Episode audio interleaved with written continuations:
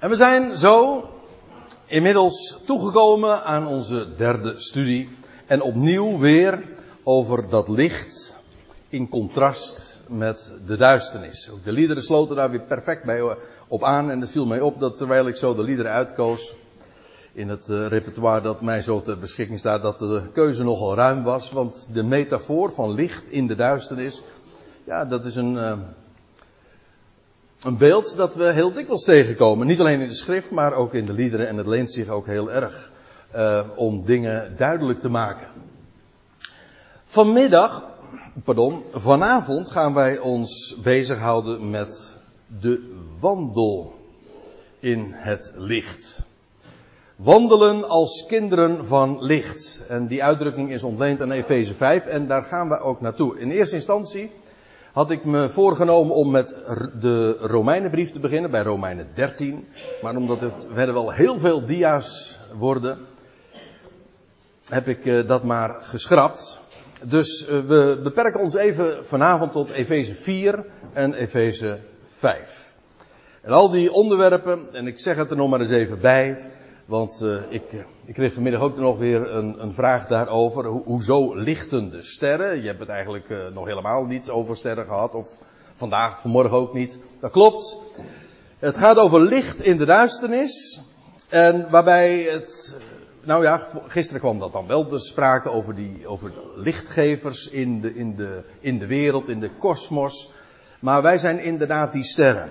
We zongen zojuist van dank u Heer dat ik in de hemel woon. Geplaatst met Christus daarboven. Dat is onze positie. Een hemelse positie en dus inderdaad ook een lichtgever. En wat betekent dat nou? Dat licht, om een kind van dat licht te zijn en te wandelen als kinderen van licht. En wij gaan naar Efeze 4, zoals gezegd, en dan haak ik aan bij vers 17. Dan moet u weten, maar dat verbaast u natuurlijk niet, dat daar inmiddels al heel veel aan vooraf gegaan is. Wat een geweldige ding heeft Paulus daar in de gevangenis opgetekend. Het is onvoorstelbaar. Zo, ja, hemelhoog ook, met recht. En dat bedoel ik letterlijker dan, uh, dan je misschien op het eerste gezicht zou denken. En dan zegt hij, en eigenlijk de brief valt uiteen in twee delen. Eén waarin het onderwijs gegeven wordt over wie wij zijn en wat onze identiteit is in Hem, wie we zijn in Christus, wat God voornemens is te doen middels ons, maar ook hoe Hij de hele schepping zo in de loop van de ionen gaat bereiken. Fenomenaal wat Hij daarin schrijft. En dan die dat tweede deel van de brief, hoofdstuk 4, 5 en 6, dat gaat vooral over de wijze hoe dat dan uitwerkt in ons leven hier op aarde. Voor zover we dan nog in de wereld zijn. En uh, ik zeg het expres zo, want zo formuleert Paulus dat ook. Want feitelijk zijn we daar. Maar voor zover we dan hier nog in het vlees op aarde zijn. Wel, wat betekent dat dan? Wat is dat uh, wat het mooie is, dat is niet de tegenhanger, zo van, nou ja, dat is nou wel allemaal geweldig heel rijk, maar nou moet je ook wel goed je realiseren wat je moet doen. Zo wordt het dikwijls uh, naar voren gebracht en ik kan dat meteen ook illustreren aan de hand van dit vers. Dus u moet even wachten voordat ik dat doe. Maar zo is het niet. Het is niet zo van, ja, het is allemaal wel prachtig wat we zijn, maar nu komt het erop aan en dan moet je ook wel zo leven. Hoe vaak heb ik het niet gehoord dat het zo verteld wordt? Ook vanaf de kansel dat het zo onderwezen wordt. Ja, het is nou wel, het is allemaal genade, maar nou komt de praktijk. Maar het geweldige zoals Paulus het naar voren brengt en, en onderwijst, is niet van, maar, maar nu moet je ook wat doen. Nee, Paulus laat zien hoe dat geweldige licht van Gods genade ook in ons leven vandaag mag en kan schijnen. En hoe de vreugde daarvan beleefd mag worden. Hoe je vandaag in het licht mag wandelen. Dat is een enorm voorrecht. En dat wordt zo dikwijls vertekend. Laat ik dat dan meteen maar in vers 17 lezen. En dan zegt Paulus, dit zeg ik dan en ik betuig het in de Heer. Ik wil zeggen in hem.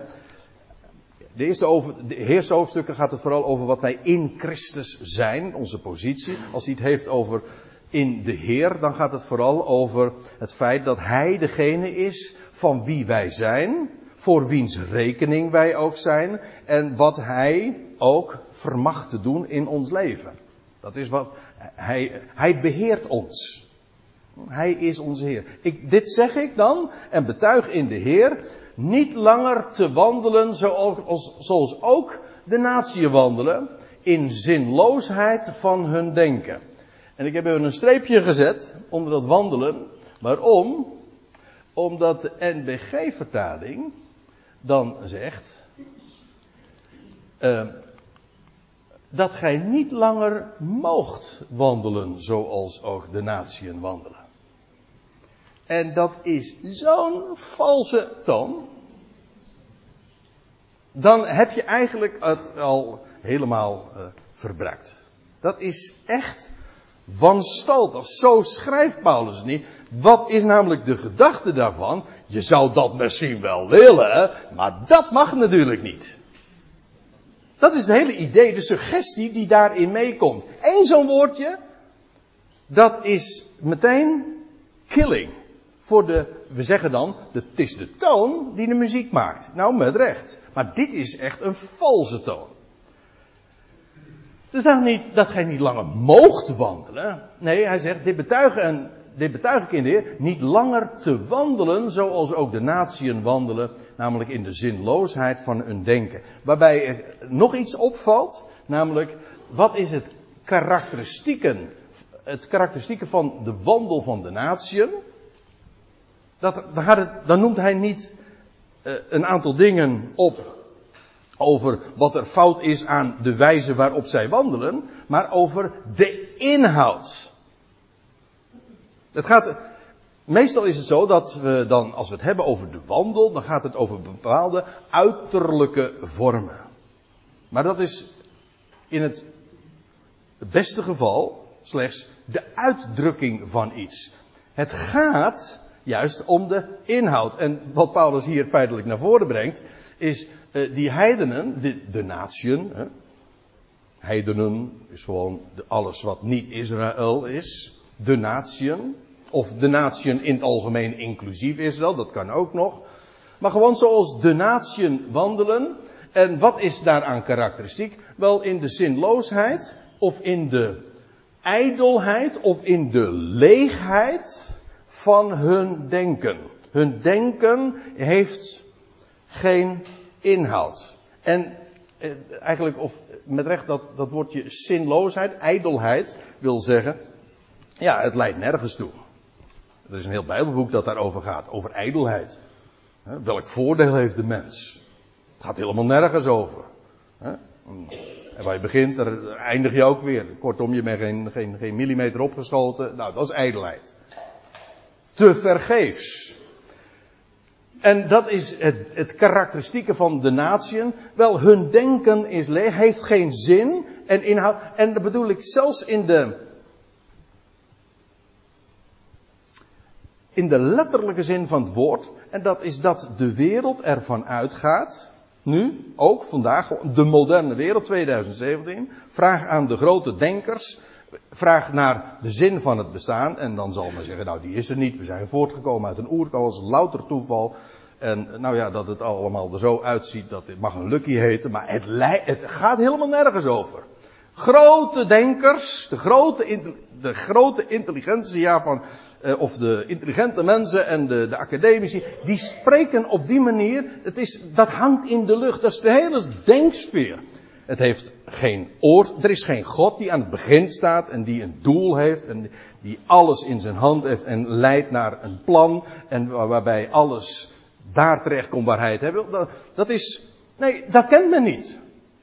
Er is geen God.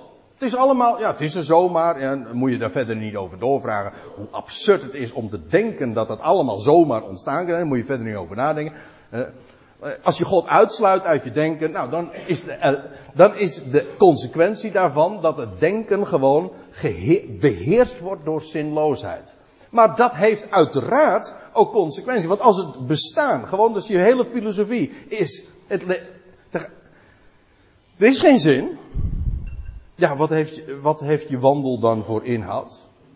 Je komt nergens vandaan, je gaat nergens naartoe. Het heeft geen zin, geen bestemming. Elk mens zoekt naar de zin van zijn bestaan.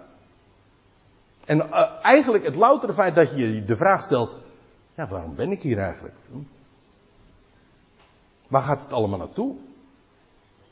Een mens zoekt er, een, een, mens kan eigenlijk niet leven met de gedachte dat het allemaal helemaal nergens over gaat en dat het totaal geen doel heeft. Ja, nou ja, en dan, en dan ben je in aanraking gekomen met werkelijk een, een goed bericht. Het, het heeft wel degelijk een doel. Er is iemand die, die aan het begin staat en die dat alles leidt. Nou, ik loop een beetje voor de fanfare uit, want Paulus zegt dat je niet langer zou wandelen, uh, zoals ook de natieën wandelen. Niet, niet mogen wandelen, dus niet lang zou wandelen, zoals ook de natieën wandelen. Waarom? Om, wel, die wandelen in de zinloosheid van hun denken. Verduisterd, daar heb je het weer. Het is donker. Verduisterd in hun verstand, zegt de NBG, in de denkwijze en bovendien daarmee ook vervreemd van het leven van de God. Nou, daar hadden we het zo over. Het wordt donker. Paulus zegt dat ook op een prachtige wijze in Romeinen 1. Laten we er even naartoe gaan. Romeinen 1, vers 21. En vanmiddag zei iemand tegen mij, en hij zit ook in deze zaal. Hij zegt, volgens mij, als ik al jouw toespraken samenvat, dan gaat het eigenlijk altijd over God is God. En ja, ik kon daar niks tegen inbrengen. Dat is zo. Daar gaat het eigenlijk allemaal. Dat God God is. En eh, het vers waar dat trouwens ook zo gezegd wordt is Romeinen 1 vers 21. Dus ik ken, ik ken het dromen. Maar het is zo bazaal dat God ja, je zou zeggen van het is een open deur in trappen. God is God. Ja, de, licht is licht. Hm? Nee, maar als je, het, wordt, het is geen open deur. Want veel mensen hebben een idee van God. Ja, dat is een, een opperwezen. Maar ja, het, maar voor hen is het een godje. Hij heeft veel in de hand. Hij beheerst veel. Maar ja, niet alles. Nee, God is God. Nou, dan schrijft Paulus in Romeinen 1, immers hoewel zij de God kennen, dat wil zeggen weten dat er één is dat, die het allemaal bedacht en ontworpen heeft, dat weet iedereen. Als je ziet de schepping, dat schrijft Paulus trouwens in dezezelfde verse, als je ziet de schepping, dan weet je er is een schepper. Als je zoveel intelligentie ziet, zelfs in één enkele cel van een organisme dat je niet eens met het blote oog ziet, dan weet je, dit is zo kolossaal, zo fenomenaal bedacht. En hoe is het in de wereld mogelijk? Wel, dan, daar zit intelligentie achter. En daarom, iedereen weet, je kan God niet zien, maar hij weet, hij moet er zijn. Dat kan niet anders. En dan staat er, hoewel zij de God kende, kennen, verheerlijken of danken zij hem niet als God. Dat wil zeggen, de consequentie ervan heeft men niet getrokken. Als God er is, wel, dan betekent dus dat zij, uh, dat hij dus werkelijk God is. En dat hebben ze niet gedaan. En dan staat er, ze hebben hem niet de eer en de credits gegeven dat hij werkelijk God is. En alles beschikt en alles plaatst. Ze hebben hem niet als God. God als God. Als de, dat woord theos, dat betekent de plaatser. De beschikker. Degene die alles een plek toewijst in ruimte, in tijd. Ze hebben hem niet zo verheerlijkt of gedankt. En dan staat erbij, maar in de redeneringen van hen werden zij verijdeld en hun onverstandig hart wordt verduisterd. Heb je het weer. Dus omdat je God niet als God verheerlijkt, zijn heerlijkheid in het licht stelt en hem zo ook dankt, zo in het leven staat. Dus, dus het ABC, daar begint het. Dat is geen eindpunt, dat is beginpunt. Als dat niet je beginpunt is, wel dan worden alle redeneringen, hoe intelligent je ook bent, je maakt een valse start en dus kom je nergens uit. En dan staat er hier ook bij, maar in de redeneringen van hen werden ze verijdeld. Dat wil zeggen, die lopen nergens op uit. En hun onverstandig hart, Ongeacht hoe hoog hun IQ ook is, maar het is gewoon dom. Wijsheid begint bij het erkennen van Hem. De vrezen, het ontzag waar we het gisteren nog over hadden, de ontzag voor Hem, dat is het begin van wijsheid. Daar eindigt wijsheid niet, begint het. En als je dat niet ziet, ja, dan word je verijdeld, leidt het allemaal nergens toe, de zinloosheid. En uh, een onverstandig hart wordt daarmee verduisterd. Het is ook nog eens een keer zo dat, dat daardoor, uh, daardoor heb je ook geen enkele reden meer om te, schijn, uh, te, te schijnen, te stralen. Want het, ja, het is allemaal ijdel. En de redeneringen lopen op niks uit.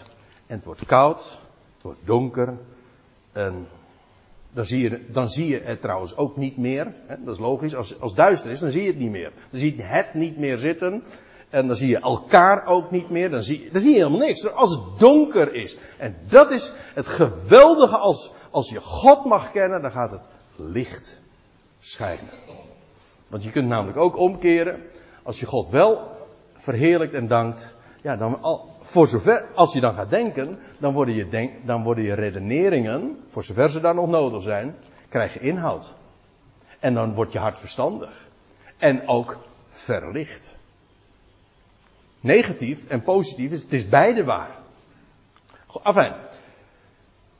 We gaan even terug naar Efeze 4. Verduisterd in de denkwijze. Het gaat nog steeds over de natieën in het algemeen. De wereld, de eon, die beheerst wordt door de God van deze eon waar we het over hadden. Eh, men is vervreemd van het leven van de God. Dan staat er vanwege de onwetendheid die in hen is. Men heeft geen benul van.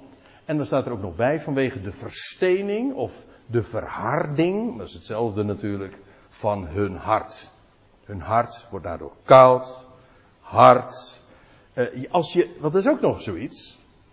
Als God van zijn schepping houdt, wat ook logisch is, want hij heeft het zelf bedacht en gemaakt, dan leer je ook verstaan wat het is dat hij trouw is. En dat hij geeft om zijn schepping. Oftewel, dan ga je verstaan, God is liefde. Maar als je dat allemaal niet kent, dan wordt het hard van binnen. En koud. En vandaar ook dat er gesproken wordt over de verstening van hart. En het heeft allemaal te maken met die onwetendheid. Men heeft geen benul van, uh, ja, van, de, van de God. En er staat er nog bij, afgestomd leveren zij zich uh, zelf over in de losbandigheid. Hier wordt allemaal uh, op een rijtje eigenlijk gezet wat de consequenties zijn van als het duister is in je hart. Als je duister is in je, in je denken, in je, in je zinnen, in je, in je denkzin dus ook. Dan wordt het afgestomd, wordt hard. En ja, wat blijft er over?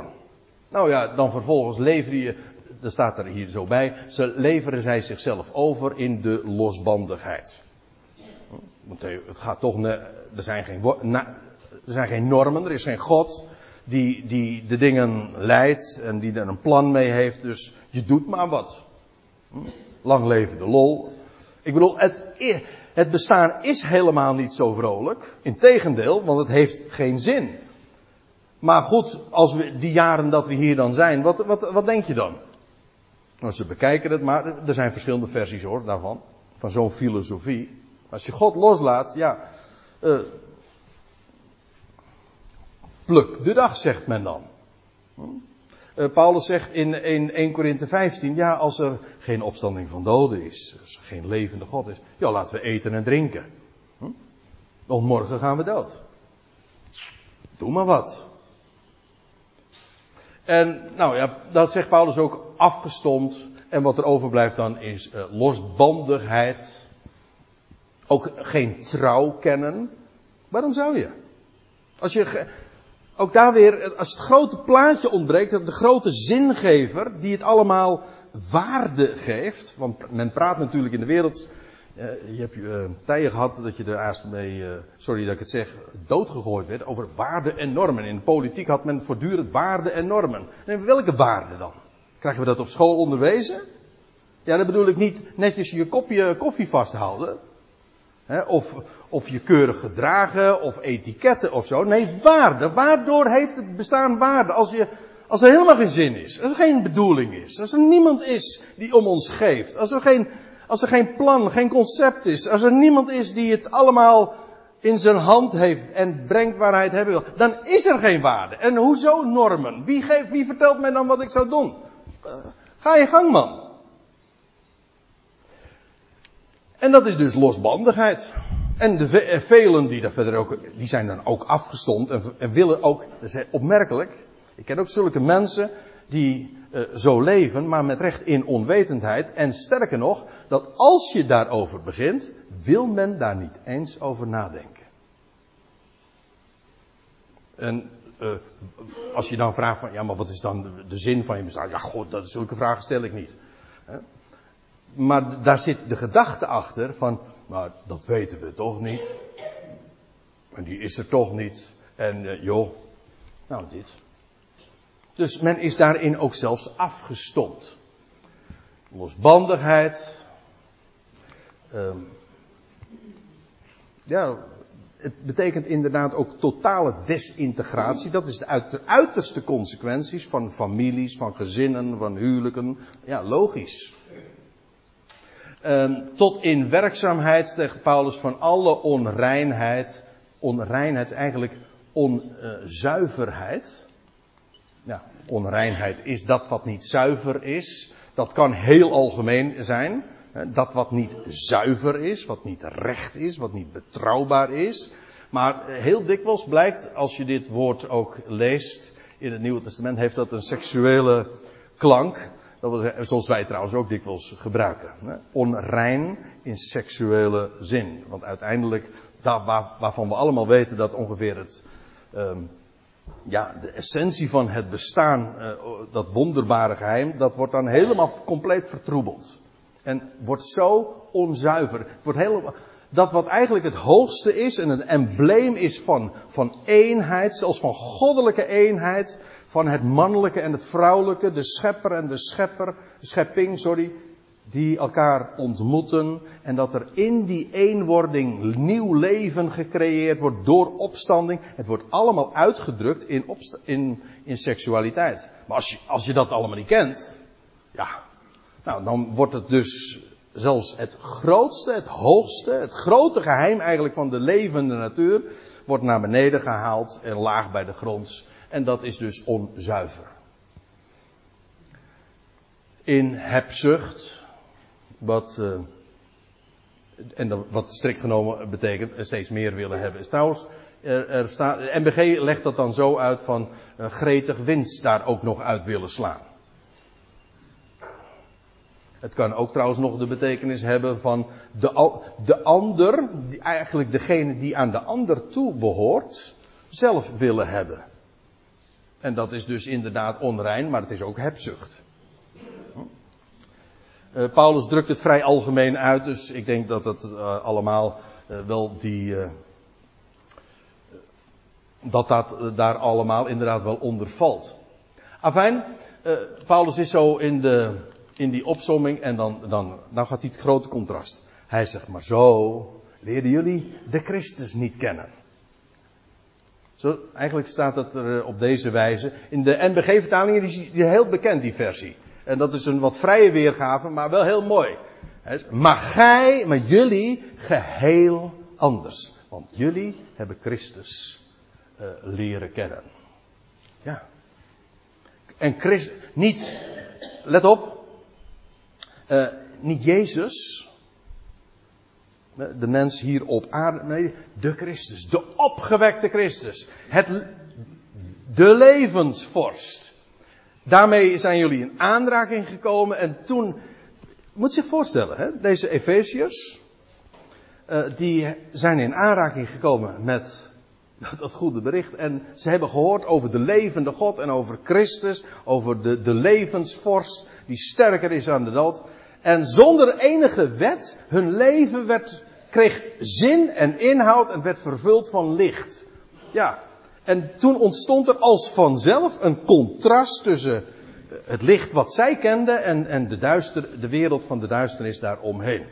Ja, In de praktijk ook. Hun wandel kreeg ineens inhoud en werd verlicht. Nou, zegt Paulus, weet je, ben je daarvan nou goed bewust? Van die Christus en ja, om dat contrast ook te beleven en te wandelen in dat licht, dat is een enorm voorrecht. Ik moet zeggen, er is niks aanlokkelijks aan wat de wereld uh, geniet in de duisternis. Terwijl men onwetend is, geen idee heeft van, van hem en daardoor alles zinloos is en met daar ook consequenties aan verbonden. En Paulus zegt, zo hebben jullie de Christus niet leren kennen. En nu gaat hij vervolgens verder in Efeze 5. Uh, dat wil zeggen, borduurt hij voort op dat thema van licht en duisternis. En dan gaan we daar naartoe en nou begin ik te lezen in Efeze 5 vers 8. En het is net alsof daar helemaal geen eens versen tussen eh, gelegen zijn. Want je, je zou het zo door kunnen lezen. Maar ook hier weer over aan de ene kant die wereld die geregeerd wordt door de duisternis, waar het donker is. En oké, men probeert het dan op te vrolijken en laten we eten en drinken. En omdat we al zo weinig reden hebben om vrolijk te zijn, dat. Maar dan dat licht. Hier schrijft Paulus dan, want jullie want jullie waren eens duisternis. Hij herinnert hen gewoon aan hun eigen verleden. In dit geval, kijk, als Paulus dit aan deze Efeziërs schrijft, is, zij kenden dat gewoon aan, aan on, zij onderkenden dat aan den lijve. Dat wil zeggen, ze hadden ooit die ommekeer meegemaakt. Ooit wandelden zij net als de rest van de wereld gewoon ook in duisternis. En toen zijn zij in aanraking gekomen met die geweldige waarheid van het evangelie. Dat wil zeggen, ze waren eens duisternis, maar nu licht in de Heer. En dat was, ja, dat is openbaring. Dat is ook weten. Je wordt verlicht, zo is het. En het geeft ook geweldig uitzicht. Maar dat is allemaal licht. Licht heeft te maken met dingen die openbaar worden. We zullen dat straks ook nog zien. Met dingen die je leert verstaan en weten en het venster gaat open. Je krijgt een geweldig perspectief. Perspectieven. Uitzicht. Jullie waren duisternis, maar nu, dus contrast toen en nu, licht in de Heer. En nou zegt Paulus, hoe logisch. Wandelt als kinderen van licht. Zoals men mag verwachten dat kinderen van de duisternis in duisternis wandelen, wel, wandelt als kinderen van licht. Dat voorrecht is ons gegeven. Dat is een voorrecht om in dat licht te wandelen. Niet dan? Ik, ik prijs God dat je, dat, je, dat je licht hebt ontvangen. Dat je mag weten hoe het zit en dat je uitzicht hebt gekregen. Nou, zegt Paulus, wandelt als kinderen van licht. We hebben zojuist gezien wat, wat dat betekent, hè, als je in duisternis wandelt. In die zin had ik graag ook inderdaad het Romeinen 13 er nog bijgenomen, maar dat moet u dan zelf nog maar een keertje nalezen. Het slot van Romeinen 13, waar Paulus dat nog wat, uh, ja, nog meer in detail vertelt wat dat dan betekent, wandelen in de duisternis. Maar goed, je zou ook natuurlijk, natuurlijk kunnen, kunnen denken van, ach waarom zouden we ons daar al te zeer mee bezighouden? Hm? Met die duisternis. Ik praat veel liever over het licht. Wandelt als, wandelt als kinderen van licht. Want, zegt hij, de vrucht van het licht is in alle goedheid en rechtvaardigheid en waarheid. Let eens op hoe, hoe hij dat dan zegt. De vrucht van het licht. En we zullen straks in vers 11 aankomen. En dan lees je dat hij dat in contrast brengt met de onvruchtbare, ook inderdaad de onvruchtbare werken van de duisternis. Opmerkelijk hè? Het is de vrucht van het licht en de onvruchtbare werken van de duisternis. Dat is een dubbel contrast. Aan de ene kant de vrucht, hier onvruchtbaar, en dit is een vrucht, en, maar hier is het werken. Ook al heel vermoeiend. En het mooie van een vrucht is, een vrucht groeit. Ja, waardoor? Door licht. Toch? Zo begint het al, zo begint het ook na de winter. Als de, als de dagen weer gaan lengen, dan komt het leven, als het, ja, de dagen gaan lengen en de zon gaat weer in kracht toenemen, in de, het aantal uren dat de zon schijnt, maar ook in kracht zelf. Het licht wint, wel, en daardoor verschijnt leven. En, en het eerste bloesem, en dat is de eerste vruchtzetting feitelijk al. Licht brengt vrucht met zich mee. Zo werkt het leven. En dat heeft dus niks met werken te maken. Iets wat je moet doen, dat is een geweldig automatisme. Een wetmatigheid. En alleen daarom praat, spreek ik daar ook al zo graag over. Om, omdat het vrucht is. Want weet u wat het probleem is? Uh, mensen, uh, als je in de modus zit van je mag niet wandelen, dan zit je, hè, dat je niet langer mag wandelen zoals de wereld. Oh, ik zou het toch graag eigenlijk willen. Hm? En je mag dit niet, je mag dat niet, maar dat is dat is allemaal werken. Je moet dit, je mag dat niet. En, je, en op het moment dat je in die modus zit van wet, dit moet, dat mag niet, dan stel je jezelf altijd weer teleur. Dat is, dat is eigen aan dat hele idee van werken. En dat is uh, ook heel onvruchtbaar. En waar Paulus over spreekt, is licht brengt vrucht met zich mee. Als je dingen mag zien, als je ogen gaan stralen. We hebben het vanmorgen toch ook gezien in 2 Korinthe 3. Als je het licht van Hem ziet, dan word je naar hetzelfde beeld getransformeerd. Als een spiegel. Hè, als een reflectie. Dat kan, dat is niet iets, dat moet zo'n spiegel. Dat kan niet anders. Een wetmatigheid. Zo is die vrucht een wetmatigheid van het licht. Mensen, vertrouw daar gewoon op. En wij, ik weet, dat ligt heel, dat ligt heel subtiel, want we, wij vertrouwen daar niet echt op. Dan denken we, nee, we moeten eigenlijk werken. Laat het licht schijnen. Verblijd je in het licht en de vrucht van het licht. Weet je wat het is? Ik weet het. Want Paulus zegt het hier. De vrucht van licht is in alle goedheid. Kijk, vrucht voortbrengen, dat is niet iets wat een mens kan doen. Nou ja, een mens, Paulus zegt dan van een mens kan uh, begieten, kan, uh, de een plant, begiet, maar de vrucht voortbrengen, dat kan er maar één natuurlijk. Dat is met dit ook. Die vrucht van het licht, ja, dat is wat het licht voortbrengt. Dat is wat de schepper doet. Maar ook in ons leven. Als het licht schijnt en wij ons verblijden in zijn belofte, in wie hij is en wat hij geeft, dat heeft vrucht in alle goedheid. In de NBG-vertaling staat in louter goedheid.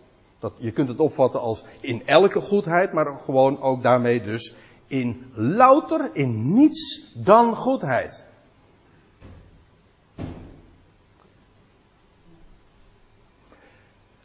Goedheid, en goedheid trouwens, dit woord, er zijn, er zijn verschillende Griekse woorden, maar dit woord goedheid heeft vooral te maken over uh, dat wat uh, het goed uitwerkt voor de ander. Wat goed is in zijn uitwerking. Er staat hier uh, vervolgens ook in rechtvaardigheid, in recht doen. De vrucht van het licht is recht doen. Dat heeft gewoon ook hele, uh, ja, hele alledaagse consequenties. Uh, recht doen aan dat wat je zegt, aan wat je belooft. Als je trouwens geen recht doet, moet je dat ten onder houden. Dat is weer, dat is die, en daar moet je ook weer veel moeite voor doen om dingen ten onder te houden. Dat is toch zo? Maar dat, dat zijn de werken van de duisternis. Licht niet. Licht schijnt en dat doet zijn werk. En de consequentie daarvan is, het maakt, je kent een goede God en als een reflectie, als een reflector, ga je die goedheid, en mag je die goedheid uitstralen. Dat is ook een voorrecht om dat te doen. Om iets te laten zien van hoe goed Hij is. Dat is een voorrecht op zich. Mag je recht doen, zoals Hij recht doet aan zijn woord. Hij, als Hij belooft, doet Hij het. Dat is, dat is zijn rechtvaardigheid toch ook? Recht doen. En waarheid. Nou, als er iets is wat, wat je associeert met licht, is het juist wel waarheid. Leugen niet. Leugen heeft juist weer te maken met duisternis. Hè, wat je ten onder houdt. Wat niet gezien mag worden. Dat is de vrucht van licht. Alle goedheid, rechtvaardigheid en waarheid.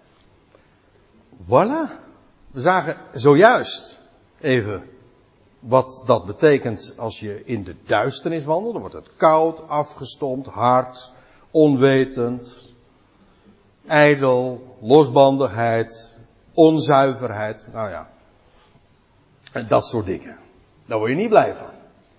En als het licht gaat schijnen, wel dan gebeurt er dit. De vrucht van het licht is alle goedheid, rechtvaardigheid en waarheid. Terwijl je toetst en zo ook ondervindt, Toetsen wil zeggen dat je ook uh, proef, on, proefondervindelijk uh, bemerkt uh, wat de Heer ook welgevallig is. Ja, maar dat is ook weer dat licht. Dat schijnt dan, dan, dan kom je vanzelf wel achter. En neem toch geen deel aan de onvruchtbare werken. Hier heb je het. Aan de onvruchtbare werken van de duisternis. Alsjeblieft, neem daar geen afstand van. Dat is heel vermoeiend, want het zijn allemaal on, onvruchtbare werken. Het leidt ook nog, nog tot, tot niks ook. Neem daar geen deel aan, hoezeer je daar ook, want dat is natuurlijk wel zo. We leven in een duistere wereld en je wordt daartoe uitgenodigd. Je wordt er dag in dag uit mee geconfronteerd met zo'n wereld. Doe mee, weet je wel dat. Neem er geen deel aan. Wandel in het licht. Dat. Neem geen deel aan die onvruchtbare werken van de duisternis, maar ontmasker ze veel eer. Ja, hoe?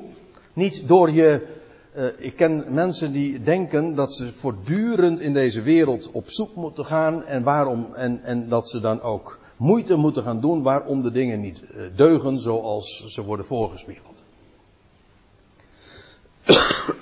Sorry.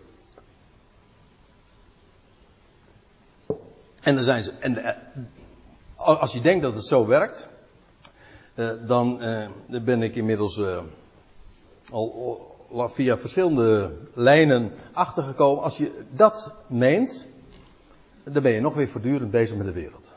Om dat namelijk te ontmaskeren. Dat is niet goed en dat deugt niet. En dat nieuws, dat is ook fake. En dan moet je dat vervolgens ook weer uh, achterhalen en dat kan dan niet. En heel vermoeiend. Echt, uh, dat, is ook, dat is ook werk hoor. Dus heel vermoeiend. Maar dat is niet het ontmaskeren. Dat is niet je bezighouden met die duisternis. Het ontmaskeren bestaat daarin dat je het licht laat schijnen. Laat je licht schijnen. Dat, ja, ik bedoel niet uh, van, van netje, netjes doen. Nee, leef in dat licht van het woord, verblijd je daarin en spreek daarover en van. En dat is dat licht. Dan schijnt dat.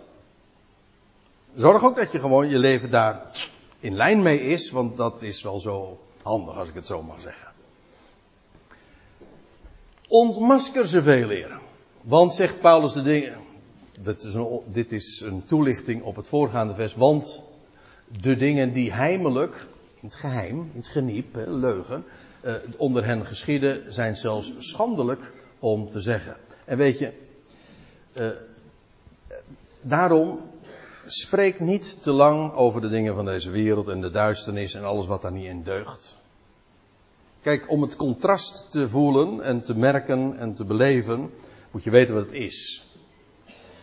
Maar hou je er niet te zeer mee bezig, want het trekt je alleen maar naar beneden. Het maakt je niet blij.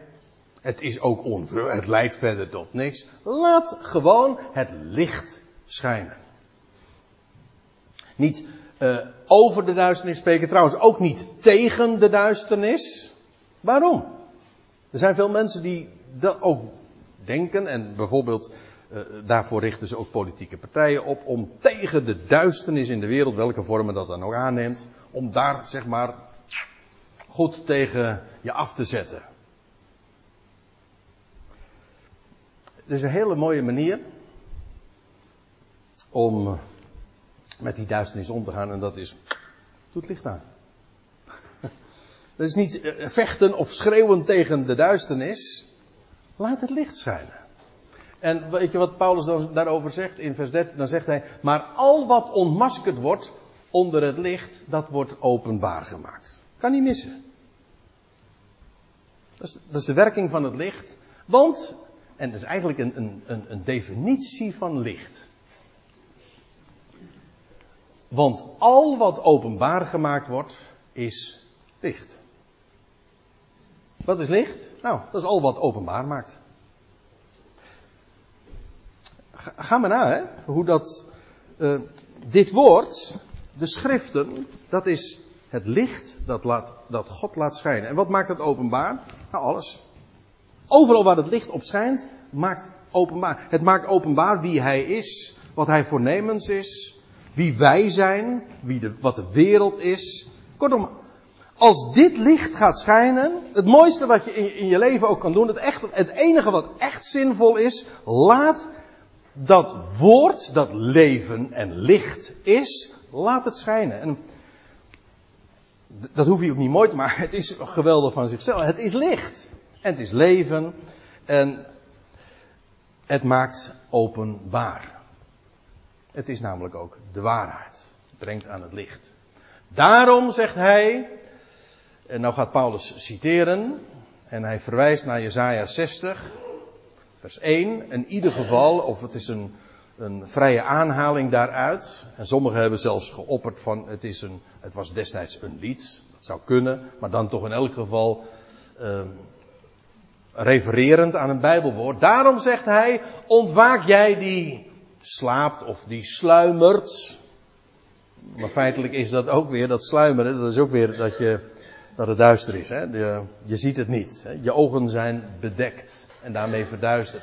Ontwaak jij die slaapt of die sluimert, sta op vanuit de doden. En Christus zal over jou lichten. We kennen hem. Prachtig vers. En uh, ja, uiteindelijk, het gaat niet over iets, maar het gaat over iemand, namelijk Christus. Hij die de dood heeft overwonnen. Hij is de opgewekte Christus en hij is de belichaming van, van wat God gaat doen en wat God bij machten is te doen. Ontwaak jij die slaapt, sta op uit de doden, is ook profetie, hè? Hij, hij, als hij, als hij zijn, dat geldt voor de doden, als ze zijn stem horen, dan, dan zullen ze ontwaken. Bij welke gelegenheid dan ook. En hij zal zijn licht, Christus, de eersteling uit de doden, zal zijn licht over jou laten schijnen. Maar het is nu al zo. Als je nu slaapt, hè, als je wandelt in de duisternis en, je, en dat licht gaat schijnen, je leert verstaan wie Hij is, dan gaat het, dan zal Christus over jou lichten. En Hij is dat levenslicht. En u vraagt zich nu af van wat ik dat, uh, waarom ik dit hier nu zo. Niet? Oh, u weet het al? Vertel het eens dan. Ja, het is een haan, dat is de haan op de, de kerktoren. Maar dat, wat, wat uh, zegt die haan? Opstaan, ja. Opstaan. Na de nacht, hè, na de duisternis. Het, eh, op allerlei niveaus is dat waar, hè? want als, als aan de dood een einde gemaakt, als het licht wordt, als de dag aanbreekt, daar gaan we het morgen over hebben, als de dag aanbreekt, ja, wat gebeurt er dan? Dan, is, dan wordt de dood overwonnen, dan gaan de doden worden levend gemaakt. Maar ook in een, in, in een meer, of in een andere betekenis is het zo. Als het licht wordt, dan is het de haan die getuigt, van opstaan. En vandaar dat die haan inderdaad een embleem van opstanding is. Van de nieuwe dag die gaat aanbreken. Die, hij kondigt de nieuwe dag aan. En daarmee feitelijk ook Christus. Hij is de, want die Christus is de eersteling.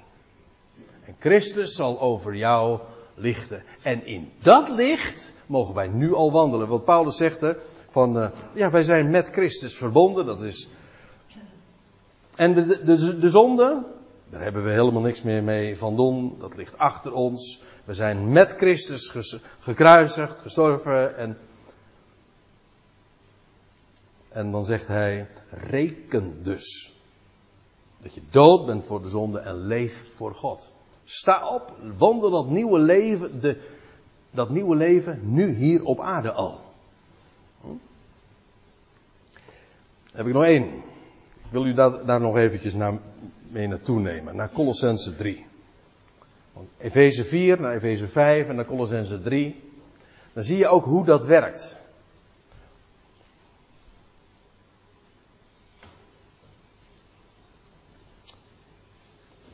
We zagen, ook dat, in die zin is er ook zo in deze samenkomst, in die passages die we zo uh, onder ogen hebben, is er veel overlap. Want het idee is, als je nou de aandacht geeft aan Hem, je daarop richt, wel, dan word je vanzelf veranderd. Nou, dat hebben we nu ook gezien. Als licht schijnt in je leven, dan zal dat vrucht ten gevolge hebben. Prijs God. Dat is geen werk van onmens, dat is het werk van de grote schepper die dat zo georganiseerd heeft in de natuur, maar ook zo in ons leven. Als het levenslicht van de opgewekte Christus schijnt in ons leven, dan is de vrucht daarvan zo heerlijk. Van louter goedheid, rechtvaardigheid en waarheid. Nou, Paulus zegt in Colossense 3, indien jullie dan samen werden opgewekt met de Christus. Hier heb je het weer, hè? We zijn één gemaakt met hem. Zo rekent God. Dit heeft dus niks te maken met ons gevoel of wat je ziet. God zegt, ik reken jou als verbonden met hem. Hij werd, hij werd opgewekt en jij werd met hem ook opgewekt. En wij, wij weten dat nu al. Een gelovige is iemand die daar amen op zegt. En eens gaan we dat, maar dat zagen we al eerder. Eens gaat elk schepsel daarvan profiteren. En zal dat nieuwe leven van hem ook uh, bezitten. En kennen. Dat is de nieuwe schepping. Maar indien jullie dan samen werden opgewekt met de Christus, zoekt de dingen omhoog. Waar de Christus is. Hij is daar. Ontrokken aan het oog gezeten in de rechterhand van God. Bedenkt de dingen die omhoog, niet de dingen op de aarde. En wat daar allemaal mis mee is, daar had Paulus juist in het voorgaande ook over gesproken. Hier ook weer. Bedenk dat. De dingen omhoog waar hij is. Kijk daarnaar. Kijk omhoog. Sammy. Kijk omhoog. En onderga die metamorfose zo. En let eens op wat er dan staat in vers 3 of vers 5. Alleen, nou moet ik er iets bij zeggen. Want in onze vertaling staat dat, in de meeste vertalingen staat dit helaas niet goed weergegeven. In de MBG-vertaling staat dan, uh, dood dan de leden die op de aarde zijn. Al die dingen van de duisternis. Hè. Hoererij, onreinheid, hartstocht, kwade begeerte, hebzucht, dat is afgodendienst. Maar er staat niet dood dan, maar doet dan versterven. Ditzelfde woord wordt ook elders ge, komt ook elders voor. En dan wordt het inderdaad keurig met versterven te uh, vertaald. En weet je wat versterven is? Iets versterft gewoon doordat het geen voeding meer krijgt. Dat is misschien wat macaber thema, maar ja, iets gaat, dat gaat dood. Als het geen, geen licht, geen voeding, als geen, geen eh, water, geen vloeistof meer krijgt toegediend, dan versterft het. En hoe versterft dat, die leden op de aarde? Niet door, door daar actief om, de, om ze allemaal te gaan doden, weet je wel, zo. Eh, weer dat idee van dat mag je niet doen en daar moet ik op letten. Nee, weer, het is louter positief.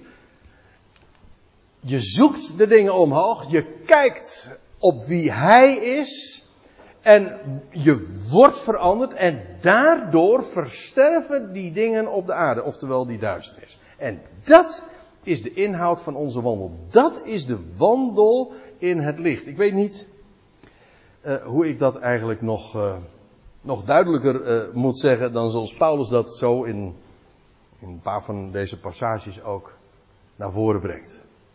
Wandel in het licht en daar waar zijn licht schijnt, daar verdwijnt als vanzelf de duisternis. Zoals de duisternis verdwijnt op het moment dat je de lichtknop aanzet. Zullen we dat lied zingen? Ik wandel in het licht.